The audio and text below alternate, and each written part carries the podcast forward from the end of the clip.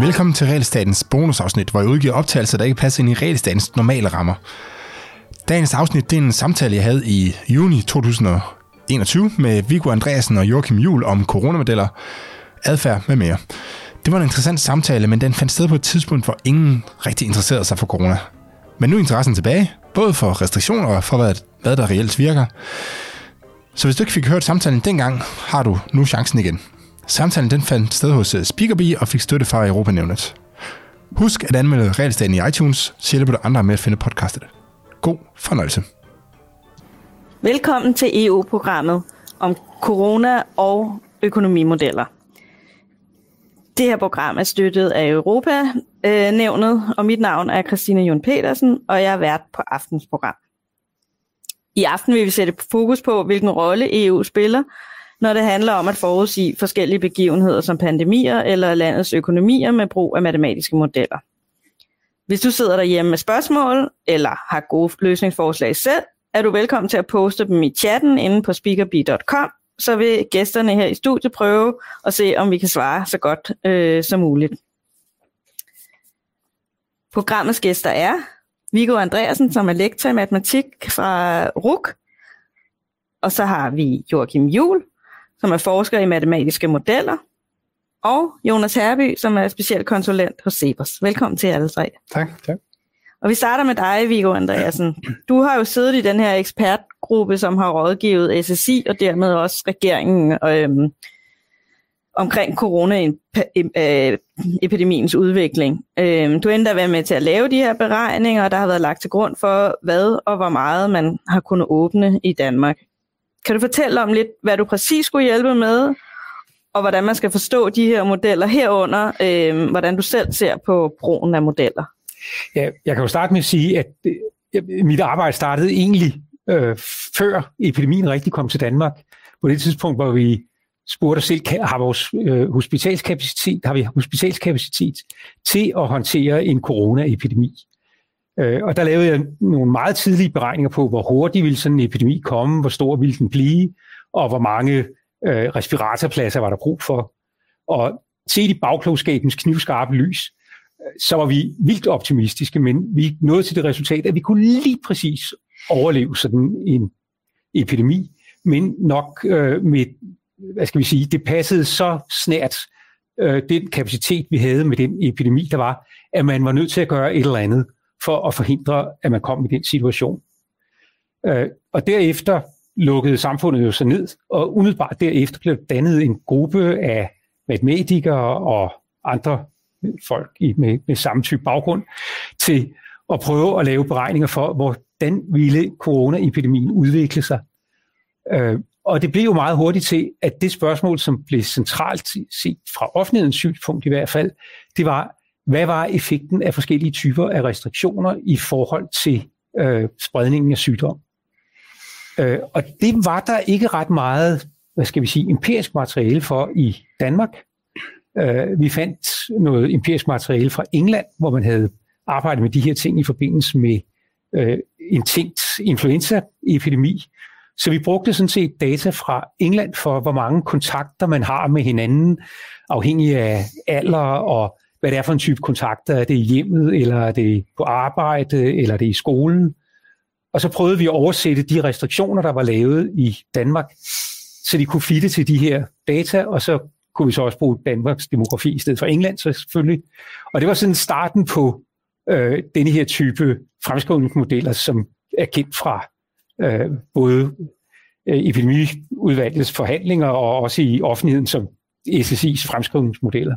Og hvad synes du så om altså, det her med, kan man, altså, hvordan kan man, kan man ligesom bruge de her modeller til noget, eller hvad tænker du, hvordan kan man bruge modellerne? Æh, hvordan bør man bruge dem? ja, jeg tænker, at fra mit perspektiv, så skal man måske starte med at sige, at vi har faktisk en del erfaringer med at bruge epidemimodeller øh, i andre sammenhænge.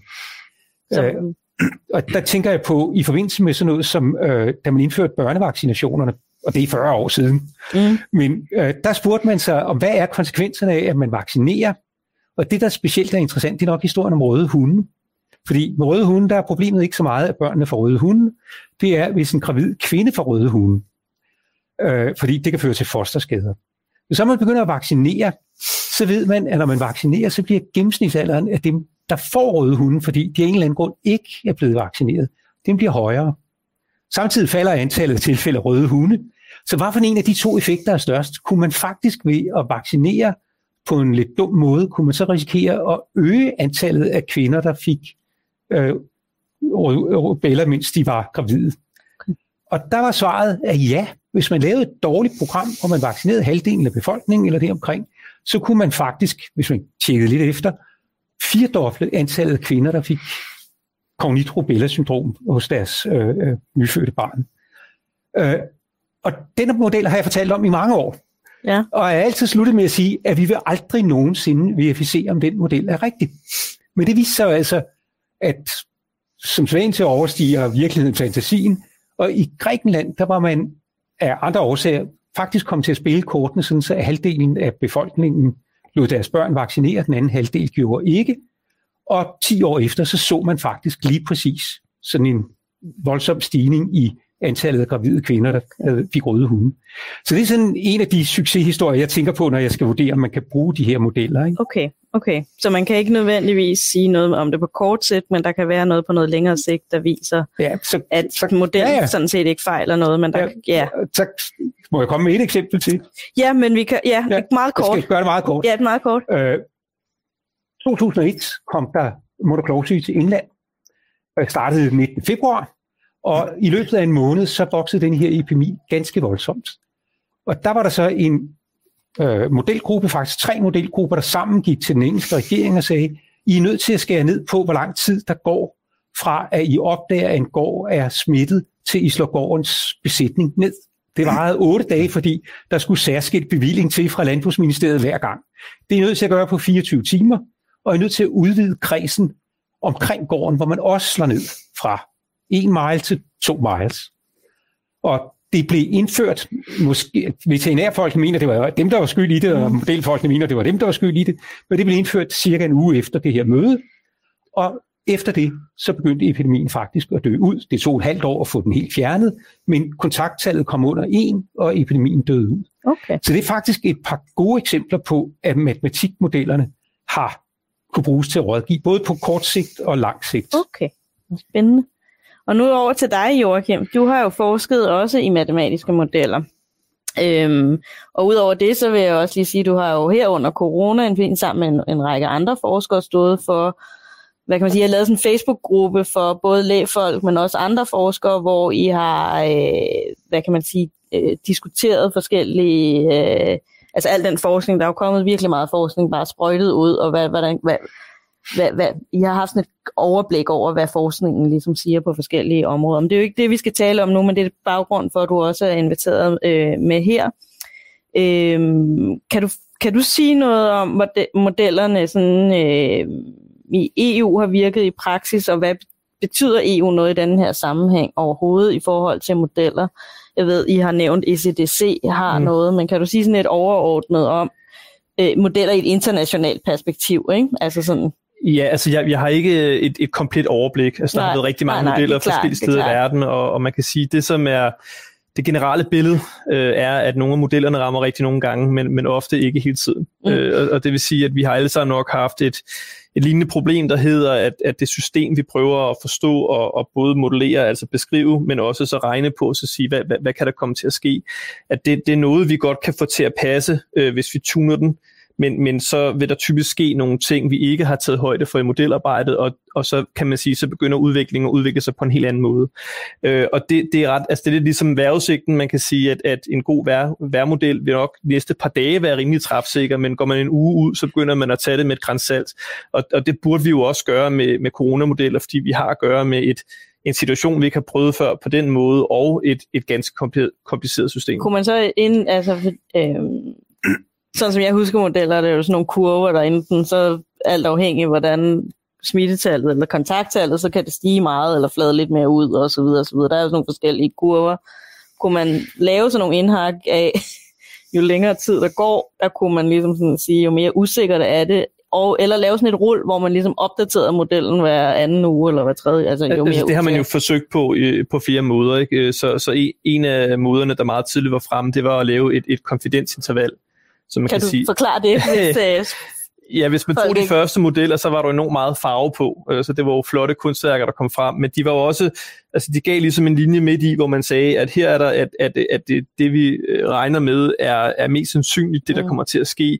Og så kan man sige, så, så når man bevæger sig væk fra den, så, så siger man, så kommer man så til sidst ud i, at, at det kun er 5% sandsynlighed for, at man rammer ud helt ud i kanten. Mm. Og så kan man sige, har man nogenlunde øh, modelleret rigtigt, jamen så burde man jo holde sig, kan man sige, inden for det i hvert fald noget tid. Ikke? Mm. Øh, og det der bare er problemet, det er, at, at sådan, corona har vist sig at være så overraskende i sin uh, måde at opføre sig på, at, at i hvert fald den første model, der, der, der gik relativt få dage, før vi kom uden for det interval. Øh, og det viser jo, kan man sige, hvor svært det er. Øhm, og der synes jeg, det er vigtigt, at man skal ikke pege fingre af modellen for at være forkert, men man bliver nødt, bliver nødt til at respektere, hvor svært et videnskabeligt problem det er at fange det her.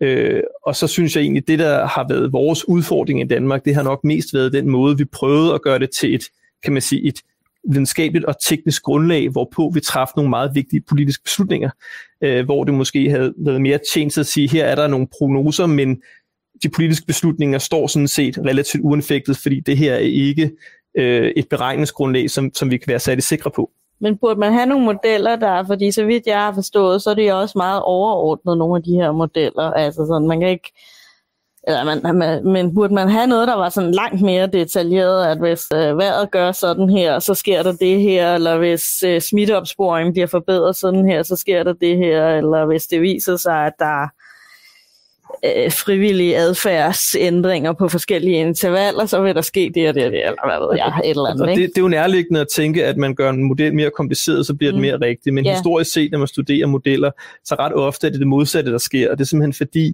at des flere variable man introducerer, des mere data, des mere validering skal der også til for, at man kan være sikker på, at den måde, man introducerer de variable på, faktisk hjælper modellen, og ikke skaber ikke bare nogle udfald, der er anderledes end det, der kommer til at ske i virkeligheden, men også, at der er så mange ting, der spiller sammen, at få den model til at ligne virkeligheden, så ved man faktisk ikke, hvad effekten er det, man skruer på. Man taler om at tune en model. Så inden for klimamodeller og, og kan man sige værmodeller, så er problemet for eksempel, at hvis man laver det, der hedder en parametrisering af et, et idealfænomen, det vil sige, det kan være noget med, hvordan øh, vand fortætnes i luften, eller noget andet, et eller andet fænomen, man kan studere i laboratorium, man kan beskrive meget korrekt, og så indfører man det som noget nyt i en stor værmodel. Problemet er så, selvom det, man indfører, er korrekt, så har man tunet den eksisterende model til at passe ligne virkeligheden på en masse måder, man ikke har overblik over. Så når man introducerer den, så vil man ofte få en model, der performer dårligere, selvom man i princippet også har forbedret modellen. Og det vil sige her, at simple modeller, når der er store usikkerheder på, hvordan systemet fungerer, er, er typisk altid vejen frem. Kan du sige noget om det i forhold til, fordi du sidder jo, Jonas, på Cepos, og I er også vant til at have med økonomiske modeller, og det kan virkelig også skabe debat. Mm. Der er jo masser af, altså I er jo en borgerlig tænketank, så der er jo også øh, masser fra venstrefløjen, der siger, at man skal lave regnemodellerne om, og så videre, ikke? Men konsensus er jo de regnemodeller, I bruger, Finansministeriet og så videre, det er, sådan, det, det er ligesom det, man bruger. Men, men, men, men kender du den her problematik med, skal det være mere detaljeret? Altså skal man proppe sådan noget? En ting er, at du kan sige, hvad arbejdsudbuddet øh, bliver nogenlunde måske, men, men, men hvad med arbejdsglæden? Hvad, hvad, den har jo også en eller anden værdi mm-hmm. og sådan noget. Ikke? Kan du sige noget om det her med, med, med det detaljegrad? Og, men jeg synes, at Joachims øh, beskrivelse var meget øh, præcis, fordi det er, jo, det er jo problemstillingen med modeller, at man gerne have noget, der beskriver øh, virkeligheden, så... Øh, så enkelt som muligt i virkeligheden, hvis man gerne vil have noget, der er forståeligt. Altså modeller bruges jo til forskellige ting. En ting er, at de bliver brugt til at forstå, hvad der foregår. Og der vil man gerne have noget, der er relativt simpelt, så man kan få den indsigt, som du er. Altså når du starter på øh, økonomistudiet, så er de første modeller jo ekstremt simple. Altså der er kun to forskellige varer i hele økonomien, så du kan kun købe øh, min undervisningspejs i flødeboller og citronvand, ikke? Mm. Øh, og så bygger man ligesom på derfra, men det er simpelthen for at få den her forståelse, jeg går også ud fra, at det er sådan. I bruger modellerne ofte til at forstå, hvad er det egentlig for nogle dynamikker, vi ser, hvad, hvad, er det, hvad, hvad sker der, når man ændrer på en af parametrene, selvom man godt ved, at den ikke virker, altså den viser ikke virkeligheden, mm. øh, modellen, men så kan du se, hvad der sker, når du ændrer på en, og så sige, ah, okay, så flyttede toppen, så den kom senere, eller hvad det nu sker, ikke, hvis vi snakker epidemier. Øh, så så der, der bruges modeller jo til at, at forstå noget. Mm. Øh, og, øh, og ofte, hvis man så vil beskrive økonomien, øh, bliver modellerne så en lille smule mere kompliceret, Øh, men ikke nødvendigvis meget mere kompliceret, men det, hvor det bliver rigtig, rigtig vigtigt, det er jo så de parametre, man så har inde, øh, hvad enten det er 5 eller 50, jamen så, så er det jo meget vigtigt, om man har estimater for de her parametre. Altså hvis du øh, siger, at når vi, øh, hvis man hæver øh, topskatten, øh, hvordan, hvor mange vil så holde op med at arbejde? Jamen det afhænger jo af, hvad man ligesom, det, vi, det som økonomer kalder elasticiteter. Jeg ved ikke, hvad, hvad, hvad, hvilken... hvad kan du forklare, hvad elasticitet Jamen det, det virkelig betyder det bare, hvis, altså, hvis skatten øges med 1%, hvor meget falder øh, arbejdsudbuddet så? Mm. Øh, og det er de elasticiteter, så det kan man kun, det kan man ikke komme frem til rent teoretisk. Og der man... er teorien, tankegangen, vel, bare hvis der sidder nogen derude, og ikke, det er, at hvis du ud fra de modeller, at hvis man øh, hæver skatten, så er der nogen, der ligesom, så vil de arbejde Så bliver det mindre attraktivt at arbejde. Ja, ja, så, det er lidt mere kompliceret ja, ja, det, men, ja, ja, øh, men det er men, sådan ligesom den, den... Men, men bottom line er, at det, det, det er mindre attraktivt at arbejde, ja. og, så, men, og det kan man sige, øh, faktisk, ja, lad os skære det ja, ja. væk, ikke? Og ja, ja. Sige, men det kan man så sige øh, teoretisk, men ja. du ved ikke, hvor meget. Nej. Altså du ved ikke, om øh, hvis du hæver skatten med 10% eller 5, 1%, om så øh, mængden af arbejde falder med 2%, eller om falder med 0,1%. Nej og det grundlag har man jo kun, fordi man har lavet nogle empiriske analyser, hvor man ligesom, ligesom ser tilbage på tidligere ting, der er sket, hvor man mm. har ændret på skattesystemet, og så prøver at sige, jamen hvad, hvordan påvirkede så folks øh, arbejdsudbud? Og det, og det er jo nogle komplicerede øvelser, som og tager tid, og som, svært, som er summen af en masse forskning. Fordi lad os, nu, lad os antage, at man havde øh, sænket skatten øh, op til pandemien. Og det vil jo så alt andet lige betyde, at arbejdsudbuddet, altså der kom flere, altså der kom flere i arbejde mm. ud fra den teori, men så kommer der en pandemi, og man Præcis. lukker ned og så videre. Og så hvis du havde indsamlet den, øh, øh, ja, så kommer der en, en pandemi, og folk bliver arbejdsløse og så videre, så vil det jo betyde for den model, at den i virkeligheden ikke, man har ikke forudset, at det skete, for det skete jo ligesom ikke, der kommer nogen udefra øh, Ja, du mener, hvis man nu anvender modellen til at så fremskrive... Ja, man kan ikke bruge den empiri til noget jo rigtigt, vel? Fordi den, nej, nej. Den, den, den, du det kommer i en ekstra, nogle... ekstraordinær situation, så, så, så du, det er mere for at sige, at den her pandemi er jo også i forhold til, de, de, altså, øh, til modellerne, der kan jo komme alle mulige ting, man ligesom bare, okay, det havde man bare slet ikke forudset, eller det var svært at forudse i hvert fald. Ja, bestemt, og, og man kan sige, at pandemien var jo en situation, som der ikke var rigtig nogen, der havde prøvet før. Ja. Øh, og, og vi havde ikke noget empiri for, hvordan det foregik, så man kan også, hvis man kører tilbage og så ser på nogle af de økonomiske estimater, der var i, øh, altså for hvor meget den her pandemi ville koste, så var de jo også altså, vildt skæve, ikke? Fordi, man, fordi man vidste i bund og grund ikke, Øh, man havde ikke noget at basere sin, øh, sin gæt på, eller man skal sige. Ikke? Men så det... trods jeres enighed, så har du også været lidt, sådan som jeg i hvert fald øh, har, har forstået der været lidt kritisk over for øh, øh, ikke nødvendigvis modeller, men måske brugen af modellerne, fordi man estimerer, der kommer så så mange. Du har i hvert fald lavet sådan nogle, jamen der blev ikke så mange indlagte, ja. eller, og det svarer jo til at sige, jamen det arbejdsudbud stod jo ikke med det her, eller faldt jo ikke med det her. Det, ja, man kan ikke bruge et model eller Nej, et eller andet. Jeg, jeg synes, vi så, kunne komme ind i, lidt ind på det, fordi han, ja. han beskrev her, hvornår er det modellerne, de har fungeret godt, og det er, når man har beskrevet noget, man kender. Ja. Øh, problemet er, at øh, corona var jo ikke noget, som vi kendte, og det, ændre, og det påvirker folk rigtig, rigtig meget. Mm. Og de modeller her, de havde jo ikke noget adfærd ind i sig. Så, og økonomi handler om adfærd, så økonomi handler om at så prøve at forstå, øh, hvad folk gør, når de bliver udsat for et eller andet. Og, og det, som man, de fleste kender Severs for, det er jo så, hvis man ændrer på skatterne. Hvad, hvordan vil folk så påvirke det? Altså, hvordan, hvordan vil de øh, ændre deres øh, lyst til at arbejde i bund og grund? Ikke? Øh, men, der, men virkelig så økonomisk tænkning kan bruges på, på rigtig mange forskellige aspekter. Øh, altså hvad sker der, hvis... Der, der, der, er lavet, der er en økonom, der har fået øh, Nobelprisen for, for hans, hans indsigt i, hvordan folk skaber, eller danner familier, øh, på baggrund af sådan en økonomisk indsigt. Altså hvad, hvad, hvad for nogle gevinster er der ved at, skabe, øh, ved at lave en familie, og hvad, hvilke ulemper er der ved at have familie og sådan noget. Og, og den indsigt, altså fordi, det er fordi økonomi handler i bund og grund om at forstå adfærd. Og derfor blev man kan man godt blive som økonom en lille smule frustreret, når man så ser på de her øh, modeller her, som, øh, som er fuldstændig blottet for adfærd. Fordi at, altså jeg tror, alle danskere oplevede, at man ændrede øh, markant adfærd i foråret 2020, uanset om det, man nu havde tænkt sig at gøre, var lovligt eller ej. Eller, altså om man yeah. lukkede ned eller ej. Ikke? Yeah. Det var ikke ulovligt at besøge sin øh, familie, det var ikke ulovligt at besøge bedsteforældre, det var ikke ulovligt for en meget, meget stor del af virksomheden at holde åbent, men, men virksomheden lukkede jo ned alligevel på frivilligt. Mm. Og man holdt, holdt op med at besøge sine bedsteforældre frivilligt, fordi der var den her pandemi, som vi alle sammen øh, på det tidspunkt var meget bange for, øh, måske lidt mindre nu. Men, men den der påvirkning, øh, tror jeg, det er noget, som økonomer, det er den måde, som økonomer tænker på, at øh, folk de ændrer adfærd, når der sker noget. og, og det var jo ikke med i modellerne der, og det, var ikke, og det, og det virker som om, at politikerne, de øh, måske heller ikke ligesom tænkt over, at det burde man måske have haft med. Nej, det, jeg kan forstå, man ikke har det med adfærd, Jeg har nemlig også læst i videnskab.dk, øh, der har du nemlig også udtalt omkring det her adfærd, det har man ikke med, fordi man ikke øh, har øh, man har sådan rimelig dårlig data, så, så det, er sådan, det er svært at lave øh, data på baggrund af det her. Men, men det har man vel nu, eller hvordan? Eller kan du fortælle lidt om, hvordan, hvad I har tænkt over i forhold til adfærd? Jeg kan jo starte med at sige, at vi, ja. vi er måske lidt bedre stillet med hensyn til empiri, fordi der har jo været pandemier før denne her. Og, og i hvert fald 1889, 1918, øh, og måske også 1956 og 1968, men i hvert fald de to store der, øh, de er jo i en periode, hvor, hvor folk har forstået, hvad en epidemi var, og har faktisk også ændret adfærd i forbindelse med epidemien. Så vi er ikke sådan helt så empiriløse, som, som du lidt fik det til at lyde, tror jeg. Eller det var mig måske. Men, det, det må men, men øhm, jeg vil sige, noget af det, hvor vi virkelig blevet overrasket, det er, at med denne her pandemi er det for første gang sådan, at det, der er interessant, er jo ikke, at folk bliver smittet og bliver immune, og så dør epidemien ud på grund af det det er vi jo slet ikke, vi er slet ikke ind, kommet ind i den fase med, med corona. Vi er stadigvæk i den fase, hvor epidemien sådan set burde vokse eksponentielt. Og det eneste, der har gjort, at den ikke har gjort det, det er sådan set øh, ændringer i vores adfærd. Nogle af dem pålagt, og nogle af dem mm. frivillige.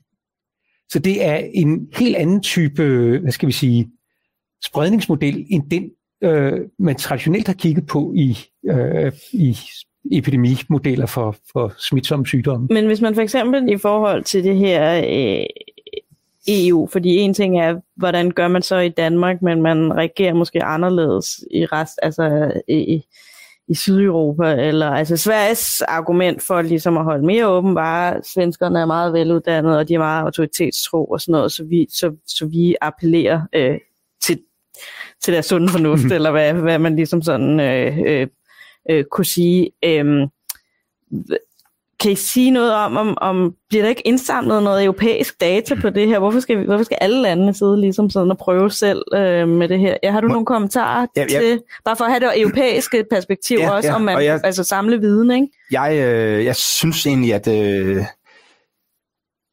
at det er bedst, at landene de har deres egen modeller. Altså selvfølgelig er det godt at videndele på, på tværs af lande, det er der ikke nogen tvivl om, men, øh, men jeg tror, at modellerne gør sig bedst ved at være målrettet det land, der er i, er, er, grund, er, er det, den simple grund, at man gerne vil have noget, der er simpelt, og, eller så simpelt som muligt i hvert fald. Øh, og så, det er alle tre enige om? Det kan vi tage, det kan vi tage. Men, det, det, det, det, grunden, hvorfor? Okay, ja.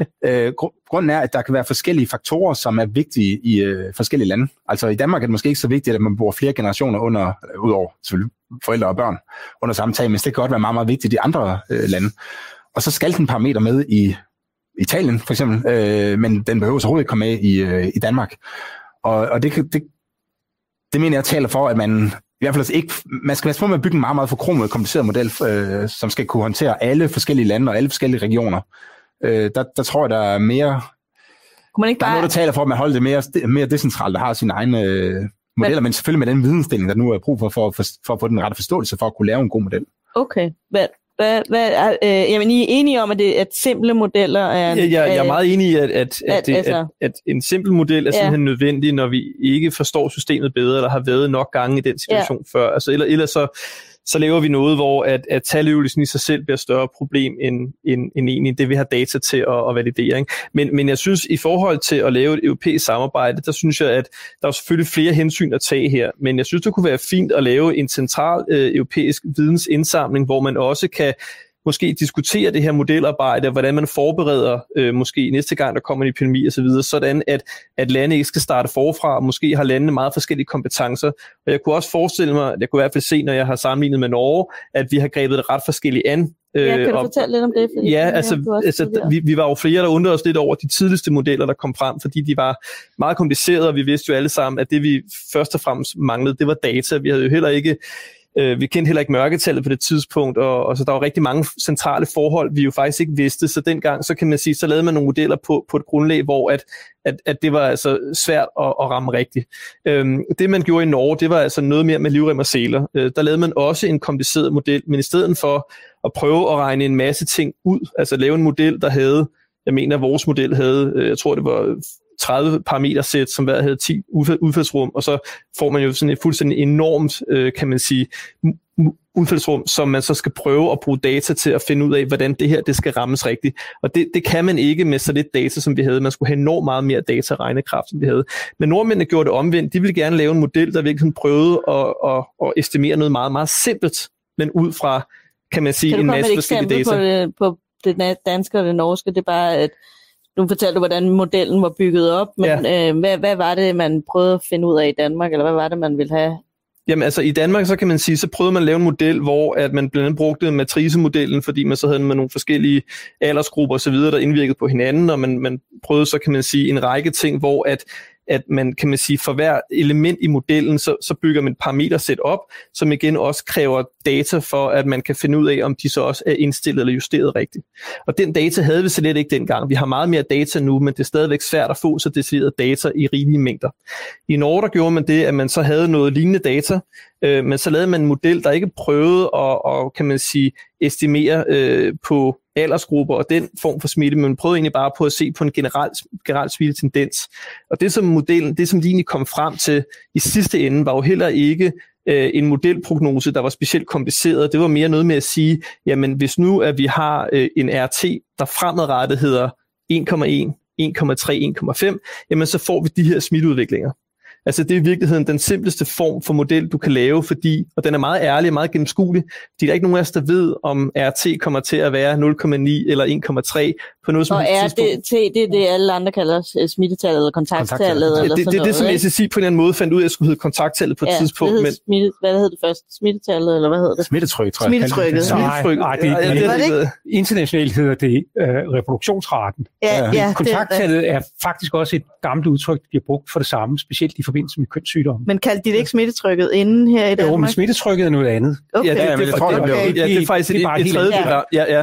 Men altså, kort sagt, så kan man sige, at hvis nu man har en population, hvor der ikke er nogen restriktioner, øh, rent teoretisk set, det vil altid være en anden form for, men hvis nu man forestiller sig det, jamen den her sygdom, hvor mange vil en smitte så smitte øh, inden for, at sygdommen ligesom har lavet en en, kan man sige, en reproduktionscyklus. Ikke? Mm. Øh, og problemet er så, at både cyklusen er også estimeret forskelligt fra land til land, øh, og så kan man sige, at landenes øh, demografi og alt muligt andet gør jo også, at den her er nulværdi, den teoretiske er nulværdi, det er, det er jo faktisk ikke en helt kendt størrelse. Vi har nogle studier fra Wuhan fra halvandet år siden, som vi så har bygget videre på. Men i bund og grund øh, er der ikke nogen af os, der har lyst til at, at, at finde ud af, hvad den her teoretiske størrelse er. Vi bare slippe det helt fri. Okay. Jeg har lige et ja. spørgsmål fra, øh, fra en lytter, eller ser. Øh, Rolf Mørk Nielsen spørger, og det er lidt langt det, fordi der er lige en intro omkring øh, Jonas, og, øh, men det er så et spørgsmål til, til Viggo og, øh, og Joachim. I den offentlige debat har Jonas Herby fremdraget, at epidemimodellerne antager, at befolkningerne ikke tilpasser deres adfærd ved høje smitteniveauer. Altså at folk ikke af sig selv passer mere på.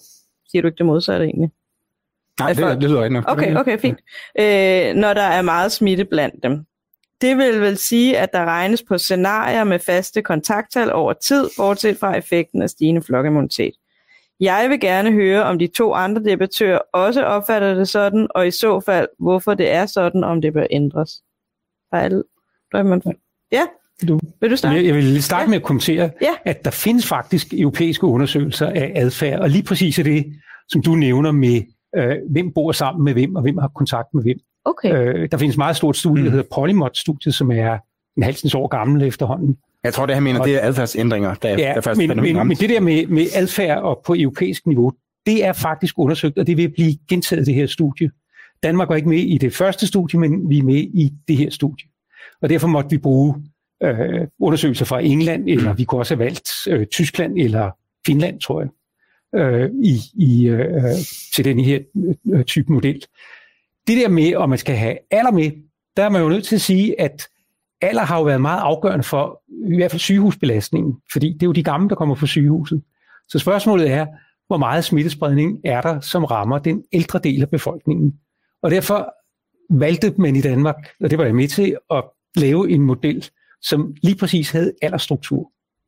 Øh, og, så det var man sådan set nødt til. Så, så de der mange komplicerede modeller, øh, par, øh, hvad, variable, som du taler om, det handler om, at der var 10 aldersgrupper i befolkningen, og der var 10 aldersgrupper i dem, der lå på sygehus, basalt set. Så, så det er ikke øh, det er en konsekvens af, at det var alder, der spillede en meget stor rolle. Det her med, om der er adfærdsændringer i modellerne, nej, det er der ikke. Og det, som jeg tror, der er konsensus om, er, at de adfærdsændringer, man kan se, og som HOPE-projektet også har kunne dokumentere, de er normalt ret kortvarige. Altså, det kan godt være, at folk umiddelbart reagerer, når der er store smittetal, men det varer normalt ikke ret længe. Øh, så, så derfor har, man, har, har det ikke i, i epidemimodeller været noget, man normalt har ville tage med, fordi øh, det er netop komplicerer modellerne, uden at man har synes, at det gav ret meget. Og, det, og det er som sagt... Det er en kommentar, fordi nu var det jo også altså, det er sikkert, øh, det er sikkert rigtigt historisk set, fordi vi har jo ikke... Altså, vi har jo ikke ændret adfærd i forhold til, om der var en slem influenza i 2018, som mm. der opførte de fleste så nok, ligesom de plejer. Mm. Fordi den var ikke så slem, som folk tænkte, at, øh, at de fleste mm. opdagede det jo sikkert. Mm. Ikke? Øh, og uanset hvad, havde man nok ikke synes, den var så slem, som man behøver at sige nej til at komme til julefrost og sådan noget. Men coronapandemien var jo noget helt andet. Altså, mm. man, gaderne var jo øde, og altså selv Cepos, øh, ondskabens højborg der, ikke? vi, vi, vi lukkede jo ned, øh, altså, og, og var ikke på arbejde i lidt over to måneder. Øh, så, så folk ændrede jo adfærd under den her pandemi, og mm. derfor så... Øh, og, der, og, der, og man kan sige, de gamle, øh, model, altså, de gamle estimater har jo fungeret øh, i gammel tid, men ikke under den her pandemi her, for det var altså bare noget andet, øh, som vi også har lidt været inde på tidligere, ikke? med at, det, at det snød jo også økonomerne. Ikke? Øh, ja. Man kan så sige, at forskellen er jo så, at de økonomiske fremskrivninger øh, har ikke haft lige så store konsekvenser for den enkelte dansker, øh, som, som øh, de her epidemiologiske fremskrivninger. Altså, det er i hvert fald nogle... Det, er, det, er, nogle økonomer har sagt, at det her kommer til at koste 100 milliarder, har jo ikke ført til, at folk har fået lukket deres forretninger, har ikke ført til, at øh, børn ikke kunne komme i skole osv. Mm, ikke? Så, så konsekvenserne har været nogle helt anderledes. Øh, ja. Nogle helt andre. Hvad siger du? Ja. Jeg, jeg vil bare øh, sige omkring det med adfærdsændringerne, at, at øh, det, jeg, jeg synes egentlig ikke, det er et relevant spørgsmål, simpelthen fordi vi ikke har lavet epidemien øh, løbe så meget af, at vi kom dertil, hvor det blev relevant. Øh, som Viggo sagde før, så har vi jo her hele tiden prøvet at, at træde nok på bremsen til, at vi hele tiden er ved epidemiens fod, hele tiden ved foden. Øh, og det vil sige, at det er jo ikke der, man, man forventet ser de store adfærdsændringer. Øh, så, så man kan sige, skulle man, øh, skulle man ud og bruge en, en anden type funktion end Gumpets, øh, kan man sige, estimering af, at, at man forventer, at, at på et tidspunkt, så vil, vil folk være så bange for at dø eller noget andet, eller blive meget syge, at de så på den måde giver, øh, kan man sige, laver de restriktioner, der skal til, jamen så, så kunne man godt se det, men, men så havde, havde vi haft et helt andet scenarie, øh, og jeg har ikke kendskab til nogle lande, hvor man har lavet køre på den måde, end ikke Sverige, hvor at man jo så, øh, kan man sige, måske har haft en lidt anden tilgang til det, man har så bare haft en mindre centralt koordineret øh, nedlukning af landet, øh, så fungerede på en anden måde. Ikke? Så, så, så jeg egentlig sige, at jeg godt forstår, hvor spørgsmålet kommer fra, men, men det er ikke feasible øh, teknisk at gøre, øh, men det er sådan set heller ikke særlig relevant, når vi håndterer epidemien på den måde, som vi heldigvis gør. Der er et til spørgsmål fra en... Men, lige, øh, altså, yeah. det, det var bare ikke det, man så. Altså, der var jo masser af ting, der var tilladt i foråret, som folk undlod at gøre, fordi de var bange for at blive smittet med corona. Øh, så så det, det er jo simpelthen ikke rigtigt. Altså, og når man kigger på de øh, studier, der er lavet, altså når man går ind og så vurderer, hvordan har lande, der er lukket ned, øh, og i forhold til, hvor hårdt de er lukket ned, øh, altså man kan ikke se nogen særlig stor effekt af kan godt se en effekt, men ikke nogen særlig stor effekt af øh, graden af nedlukning og, og, og omlandene overhovedet. Vi har en kommentar til så, det, så, så det, det, det er altså ikke rigtigt, og jeg tror, jeg tror, at alle danskere, som tænker tilbage på, hvordan de agerede i, øh, specielt i foråret, de ville kunne sige, at jamen, der, der var masser af ting, som jeg gjorde normalt, og som stadig var tilladt, men som jeg ikke gjorde, fordi at der var altså en pandemi. Øh, lige det, lad os blive ved, ved den her, vi tager næste spørgsmål. Du, Viggo, du har en kommentar, den, så har Joachim den, også den en store effekt af nedlukningen i foråret, det er jo, hvor tidligt man gør det. Det er ret veldokumenteret, at jo tidligere landet lukkede ned, jo mindre blev den første bølge. Og det øh, drukner alt det andet. Altså, så det, det er sådan set, du har fuldstændig ret i, det er svært at se, øh, øh i hvert fald den formelle nedlukning, øh, hvor, hvor meget den betyder for størrelsen af, af epidemien. Men det der med, om landet signalerer, at de lukker ned, og det er jo et eller andet med, om man lukkede ned 14 dage før eller senere, afgør, om man ligner Danmark, eller man ligner Storbritannien. Øh, så så øh, det er rigtigt, at, at det har en meget større effekt end, hvad skal vi sige, den formelle øh, grad af ledelukning. Ja, men, men man kan vel heller ikke, eller du nævner den undersøgelse, øh, øh, der, som kun kigger på, på nedlukningen, så vil der jo netop være også en masse andre parametre, som smitteopsporing, hvor meget har landet smitteopsporet, eller hvor meget har landet, altså også som du siger, og der er forskel på, hvor meget bor man sammen med, med forskellige, så derfor kan Italien godt have nogle meget hårde nedlukninger, som vi ikke havde, og stadigvæk har haft en større smitte. Måske har de været dårligere til at teste, eller måske har de været dårligere til, altså, så der kan godt være andre parametre vel også. Det kan, det kan altså, så man ikke kun, ja. altså som, hvis, man, hvis du ligesom kun tager nedlukninger for sig, så, så, så giver det vel en udfordring med, så har du også de her mange andre parametre, som også spiller ind. Ja, det, det, det, der kan, det kan der sagtens, eller, øh, og det kan også sagtens være, at man finder ud af, at der var der er nogle af tingene, der virkede, og andre ting, der ikke virkede, eller måske havde en simpelthen modsatte effekt. Ikke? Altså, ja. Øh, det kan jo sagtens være, at når man sender øh, børnene hjem fra skole, så bliver de passet af bedsteforældrene, og så ender vi med flere indlagte i virkeligheden. Ikke? Ja. Men, men det der med, at man altså, at, at der er en opfattelse af, at nedlukningen det er sådan en mirakelkur, øh, det stemmer bare ikke overens med, at forskerne har svært ved at finde øh, store effekter af de her nedlukninger her. Øh, Jamen, det har de jo heller ikke, Jonas. Men, altså, det, det, altså, det, må du holde op. Nu, kommer Jonas. Inden vi springer der til, så vil jeg sige, at der findes to forskellige måder, man kan undersøge det her på. Ikke? Det ene det er, at man kan lave nogle modeller, som fremskriver og laver en eller anden, hvad det her var sket, hvis vi ikke havde gjort noget, og det her det var det, der skete. Og så siger man, at det her det var effekten, jeg fik. Ikke? Mm dem skal man meget, meget passe meget, meget på, ikke? Fordi man ved ikke, hvad der var sket. Og, man, og hvis man laver nogle modeller, så kan man ligesom lave nogle antagelser om, at jamen, det virker. Nej, ja, du ved jo ikke, hvad der var sket, hvis men, man ikke men hvis man kigger ned. tilbage på og sammenligner forskellige regioner i, uh, i foråret, så, uh, så er der altså den kommission, kommer til. Nationalbanken for eksempel, nu tager vi en helt neutral aktør, ikke? De har lavet et, et review af nogle, af nogle uh, studier, og kommer frem til, og 25 procent af de studier, de kigger på, de finder nul effekt af nedlukningerne. Øh, Men nu skal vi forskellige lige... parametre, ikke? Og så er der så nogen, der, så er det så, så, så, så ret, ret, at tre fjerdedel finder sådan en effekt. Men det er bare, om, det er, om de finder en effekt eller ej, ikke hvor stor den er. Øh, og når, når en fjerdedel finder ingen effekt, så er der noget, der tyder på, at effekterne i hvert fald er relativt små. Jeg, jeg, jeg vil faktisk være så fræk at sige, at der findes to måder at se på det her på. Der findes Cepos-måder, og så findes der resten. Ikke? Og alle andre er enige om, at når vi ser på de her effekter, så kan vi faktisk se i tid, at når du laver et hårdt nedluk, jamen så har vi kunne se inden for et fuldstændig forventeligt interval, at der kommer en effekt. Jeg vil give dig ret i, at frivillig adfærd og muligt andet er jo langt mere ønskværdige måder at afbøde det her på, men det har bare ikke været, kan man sige, en god måde at gøre det på, så vi sidste forår. Så kan man så diskutere, hvornår er befolkningen oplært nok til at opføre sig ud for egen vilje og dømmekraft, sådan at vi kan afbøde en epidemi. Og det vil jeg sige, der er vi ikke endnu. Øh, og det ved jeg ikke, hvornår vi kommer.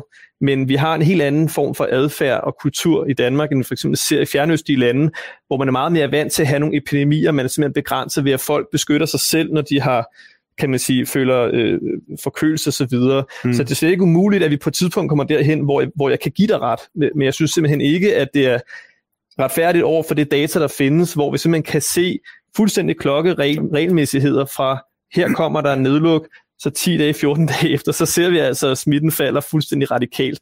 Altså, så, så du kan godt sidde og sige det, men det gør det bare ikke sandt. Hvad siger det, det, det, det, øjeblik, øjeblik, jeg skal nok, du skal nok også få lov. Vi skal også bare lige have Viggo ind. Jeg, jeg vil sige, at det man kan se, at det var Financial Times, som der var de første til at lave det, det var, at hvis man plotter, hvornår lukkede landet, hvor mange smittede var der i landet på det tidspunkt, hvor de lukkede ned, så var det sådan, at jo færre smittede der var i landet, da man lukkede ned, jo mindre blev den første bølge. Øh, og der er en meget, meget, meget, meget slående effekt. Mm.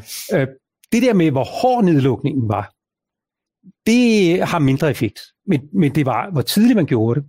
Og England er simpelthen rejselseksemplet, fordi de lukkede med stor omhu ikke ned sammen med, med Danmark og resten af Europa. Og argumentet var, at de var bange for, at de ikke kunne holde nedlukningen længe nok.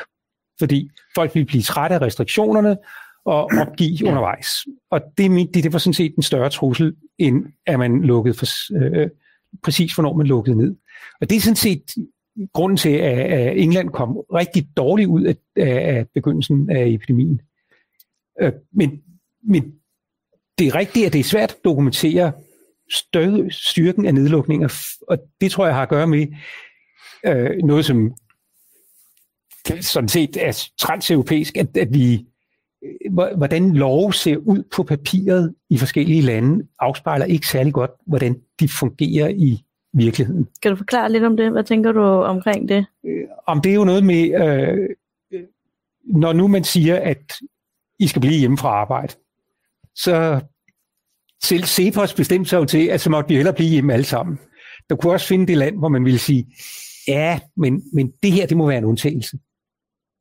Og det tror jeg, at der er en hel del sådan, kultur i, som er meget forskellige forskellige steder i Europa. Og det afspejler sig nok i, hvad skal vi sige, graden af formelle nedlukninger i forhold til, øhm, til epidemikontrollen. Mm. Men man kan vel heller, alt andet, altså det kan du få lov at svare på, man kan, man kan vel heller alt andet ikke lige vide, fordi en af dine pointer, hvis jeg forstår dig rigtigt, er jo, at smitten selv, når, når restriktionerne, hvis nu restriktionerne kom den 11, nu 11. marts, det, det, det er det, jeg kan huske, men altså 11. december eller et eller andet, så, vil, så er din pointe, at man allerede nogle dage før, eller en uge før, eller et eller andet kan se, at smittetallene begynder at gå lidt ned. Er det ikke det, der er din pointe? Så det var allerede begyndt at gå ned, fordi folk begynder, kan godt se det frivillige, og så fortsætter det så ned. Men, men i virkeligheden kan du jo ikke vide, om det så ligesom havde stagneret og så gået lidt. Ej, jeg, altså, du ved ikke, jeg tror, hvor man skal passe altså, meget, meget på med at så sidde og kigge på, øh, på kurven og så sige, at, hvornår lukker vi ned, og hvor lang tid gik det så og sådan noget. Fordi at grunden til, at politikerne lukker ned, er jo fordi, de er bange. Øh, og, og, de er jo, og det er det samme som resten af befolkningen. Altså, vi, det, man kan jo ikke afvise, at både befolkningen og politikerne var bange på samme tid, og derfor så reagerede de. Og politikerne reagerede ved at lukke samfundet ned, og befolkningen reagerede ved at blive øh, hjemme. Øh, derudover så skal man også øh, huske, at der er jo også nogle Altså, der betyder også nogle signaleffekter i det her, ikke? Altså, når da Mette Frederiksen nu stillede sig op og sagde, at nu er det, nu er det altså alvor, ikke? Der, var, der havde det jo nogle... Altså, der havde det helt klart en, øh, en effekt på, på folks adfærd. Øh, så der kan sagtens være nogle, noget idé i, at man ligesom... Altså, i virkeligheden, i virkeligheden handler det om at informere borgerne om, at hvor er epidemien og sådan noget, og da man i uge øh, 9 og 10, øh, var det 9, tror jeg, uge 9 i øh, 2020, sagde, at det er helt det er fint at strejse til, øh, til alberne og sådan noget, det burde ikke være noget problem. Og så var der i virkeligheden en epidemi fuld øh, gang med. Det er jo klart, at så er det en, at det, det er ikke smart øh, politik. Jeg ved ikke, om man kunne have gjort det anderledes, fordi det var svært at vide, at der var en øh, pandemi i gang med. Men det, men det er jo klart, at hvis man så kan altså lukke Grænse, hvis, man, hvis man kan advare folk og sige sådan, okay, nu er den her faktisk. Jo tidligere man kan gøre det, jo bedre er det selvfølgelig, det, og det, det giver jeg jo fuldstændig ret i. Øh, jo tidligere man kan, man kan gå op og sige til folk, at øh, det er altså nu, den er her, så nu skal I virkelig passe, øh, passe på. Ikke? Jo, jo bedre er det selvfølgelig ikke. Men det ændrer bare ikke på, at det ikke er nedlukningen, der har gjort det, men at det i høj grad vi skal, øh, nå, folks vi skal nå et spørgsmål til. Det er meget spændende, men vi øh, skal også stoppe om ikke så længe, så vi bliver nødt til at nå et spørgsmål mere og komme øh, til et andet. Øh, men det er Rasmus Bern Knudsen, som så henvender sig til Joachim og siger, Øh, Joachim Julemand ser i udlandet mange flere smitteforebyggende foranstaltninger i folkeskolen end i Danmark. Afstand, enkeltmandsbord, masker, febertjek, pladsskærme på hver enkelt bord, luftrensning, luftventilation osv. Har eller kan man regne på, hvor meget mindre smitte behandling af indlagte og senfølgeramte, der vil være i samfundet, hvis man øh, sikrer skolerne bedre? Vil det være et økonomisk fornuftigt regnestykke? Når man medtager, at sund indendørs miljø vil gavne den generelle indlæring og hjælp mod andre sygdomme. Det er jo egentlig et spørgsmål til alle tre, men ja, hvis du ja. starter, Joachim, så kan ja, vi det, det, det, slutte af på det her. Det er et spørgsmål, der er rigtig godt, men ikke er nemt at, at svare på sådan uh, helt koncist. Altså, uh, jeg, jeg, jeg vil mene, at uden at jeg kan sidde og sætte tal på det, og så sige, at, at, at ja, det er en god idé, så vil jeg mene, at jeg er den overbevisning, at jeg tror, langt hen ad vejen, at det er bedre at prøve at have nogle foranstaltninger, der reducerer smitten. Altså man, tager, man behandler, kan man sige, problemet ved kilden, så at sige, end at tage alle følgeeffekterne senere. Altså det, det, det er den overbevisning, at det har været en bedre økonomisk investering. Øh, det der så kan være en praktisk udfordring, og det er i virkeligheden også noget, der handler også tilbage om, hvorfor modellerne måske blev, som de blev, øh, det er, at vi har jo et samfund, hvor vi har nogle institutioner, som er vant til at fordele nogle ansvar og nogle midler på nogle bestemte måder, og det ændrer sig jo ikke fra den ene dag til den anden, bare fordi vi står i en pandemi. Øhm, så det der jo sker, det er jo, at man har nogle skoler, man beder om at løse nogle opgaver, men hvis ikke man giver dem ressourcerne til at løse med alle de her foranstaltninger, jamen så kan vi regne nok så meget, men det kommer ikke til at ændre på, at de simpelthen ikke har mulighed for det. Så, så, så, så vi bliver også nødt til at finde ud af, jamen øh, hvis vi vil gøre nogle, nogle ting på en anden måde, så bliver vi også nødt til at kunne stille nogle ressourcer til rådighed meget hurtigt, meget tidligt, øh, for så at prøve at, at bekæmpe kan man sige, problemet ved kilden, frem for at tage en samfundsnedlukning på samme fod, som noget, som ja, vi gjorde. Ikke? Der, der er jo gamle undersøgelser, der viser, at hygiejne i daginstitutioner og de små klasser i skolen reducerer luftvejsinfektioner og sygelighed hos børn helt kolossalt. Øh, men lige præcis med corona er det et af de steder, hvor vi er blevet ligesom spillet lidt på hovedet, fordi corona er jo ikke specielt smitsom hos børn. Mm. Så, så når man i Danmark har fokuseret mere på ændringer for voksne end for børn i virkeligheden, så hænger det sammen med, at vi på et meget tidligt tidspunkt måtte erkende, at børn er faktisk mindre modtagelige og mindre smittende med øh, corona end, end voksne. Og det er i modsætning til influenza og mislinger og alle de andre luftvejsinfektioner, som vi øh, er vant til at, at tænke i. Mm. Det vil formentlig komme til at ændre sig til efteråret, fordi så er alle de voksne vaccineret, og samtidig har vi fået mere smitsom corona. Så til efteråret kommer verden måske til at se anderledes ud på skoleområdet. Men i begyndelsen af epidemien, der var børn faktisk ikke særlig meget i fokus af, af hvad skal vi sige, rent biologiske, epidemiologiske årsager. Okay, jeg har faktisk et, jamen, jeg har et til spørgsmål, så kan vi tage videre på det. Det tænker jeg til dig, øh, Jonas. Øhm, det er Kurt Dejgaard, og det er det sidste spørgsmål, men der får I alle tre en, noget tid til det svare. Sebers egne øko- øh, økonomiske epidemimodeller forudsætter, at kontakttallet øh, altid selvjusterer til værdien 1 af frivillige adfærdsændringer – hvilke historiske data lægger man til grund for den antagelse? Har man noget historisk epidemiologisk data, som bakker den antagelse op? Forstår, eller, ja, jeg forstår godt spørgsmålet. Okay, ja. øh, kan jeg lige runde den der med skoler, fordi at Ja, ja, og så gå videre ja, til ja, det her. Yes, fordi det, men så jeg, tror, være meget kort med Altså, der er ikke nogen tvivl om, at det var en kæmpe fejltagelse at så lukke øh, skolerne både i øh, foråret og i december. Øh, og WHO og UNICEF har også været ude og, og bede alle verdens lande om at, øh, at åbne skolerne, fordi de siger, at det ikke der smitten er. Øh, UNICEF har lavet et stort litteraturstudier, hvor de har gennemgået den forskning, ligesom findes, og også konkluderer, der er ikke, altså det har simpelthen ikke virket at lukke skolerne ned. Heller ikke de store, øh, det der, klasser, det der, ikke de store klasser, eller der har jeg været tror, noget med... Der er, der, der er lige nu, jeg tror det er 8. 9. det der klar high school i USA yeah. og sådan noget, der øh, kan man Altså, der er de delt op på to forskellige ja. grupper, ikke? Men, ja. øh, altså det, der hedder 8. Ja. eller 7. 8. 9. 10. Grundskolen har været, øh, det, det har ikke haft nogen øh, effekt. Men det de så også siger, det er jo, at, at det skyldes, at man simpelthen har været i stand til at tilpasse sig på skolen. Ikke? Øh, jeg kan huske inde i din gruppe der, der Facebook-gruppe, som du nævnte, der, øh, der var det meget, meget tidligt, at folk begyndte at snakke om, at der var, øh, altså at det var, at det kunne smittes gennem luften også. Mm, ja. øh, og derfor burde man have mere udluftning og sådan noget, og det, det var vist sig senere at være, at det er også noget til myndighederne i Danmark. Øh, og det er jo noget af det, man måske har gjort nogle steder, ikke? Altså bare sådan ja. at åbne vinduerne mere. Ja. I forhold til øh, det der, så, så er det ikke, øh, altså det selvjusterer ikke til et kontakttal på et. Nej, det, som, okay. det som øh, modellen eller det som teorien, kan man sige, der, den siger, som man viser at være rigtig, det er, at hvis, øh, altså hvis, hvis smitten stiger, så vil på, på et eller andet tidspunkt vil være så meget smitte ud i samfundet, at folk vil sige, der skal jeg ikke ud. Så vil de blive hjemme, og det vil jo føre til, en, øh, til at, at kontakttallet vil øh, lagt en dæmper på kontakttallet, som så vil falde. Og det, man så vil få i virkeligheden, er jo ligesom med en gammel bruser, at man skal prøve at se, om man kan finde den rette temperatur, altså justere sin adfærd, så den passer til, øh, til verden omkring sig. Og så vil nogle have den er lidt for varm og lidt for kold. Men vil du så ikke få... ja, ja, ja, øjeblik, øjeblik, Jonas.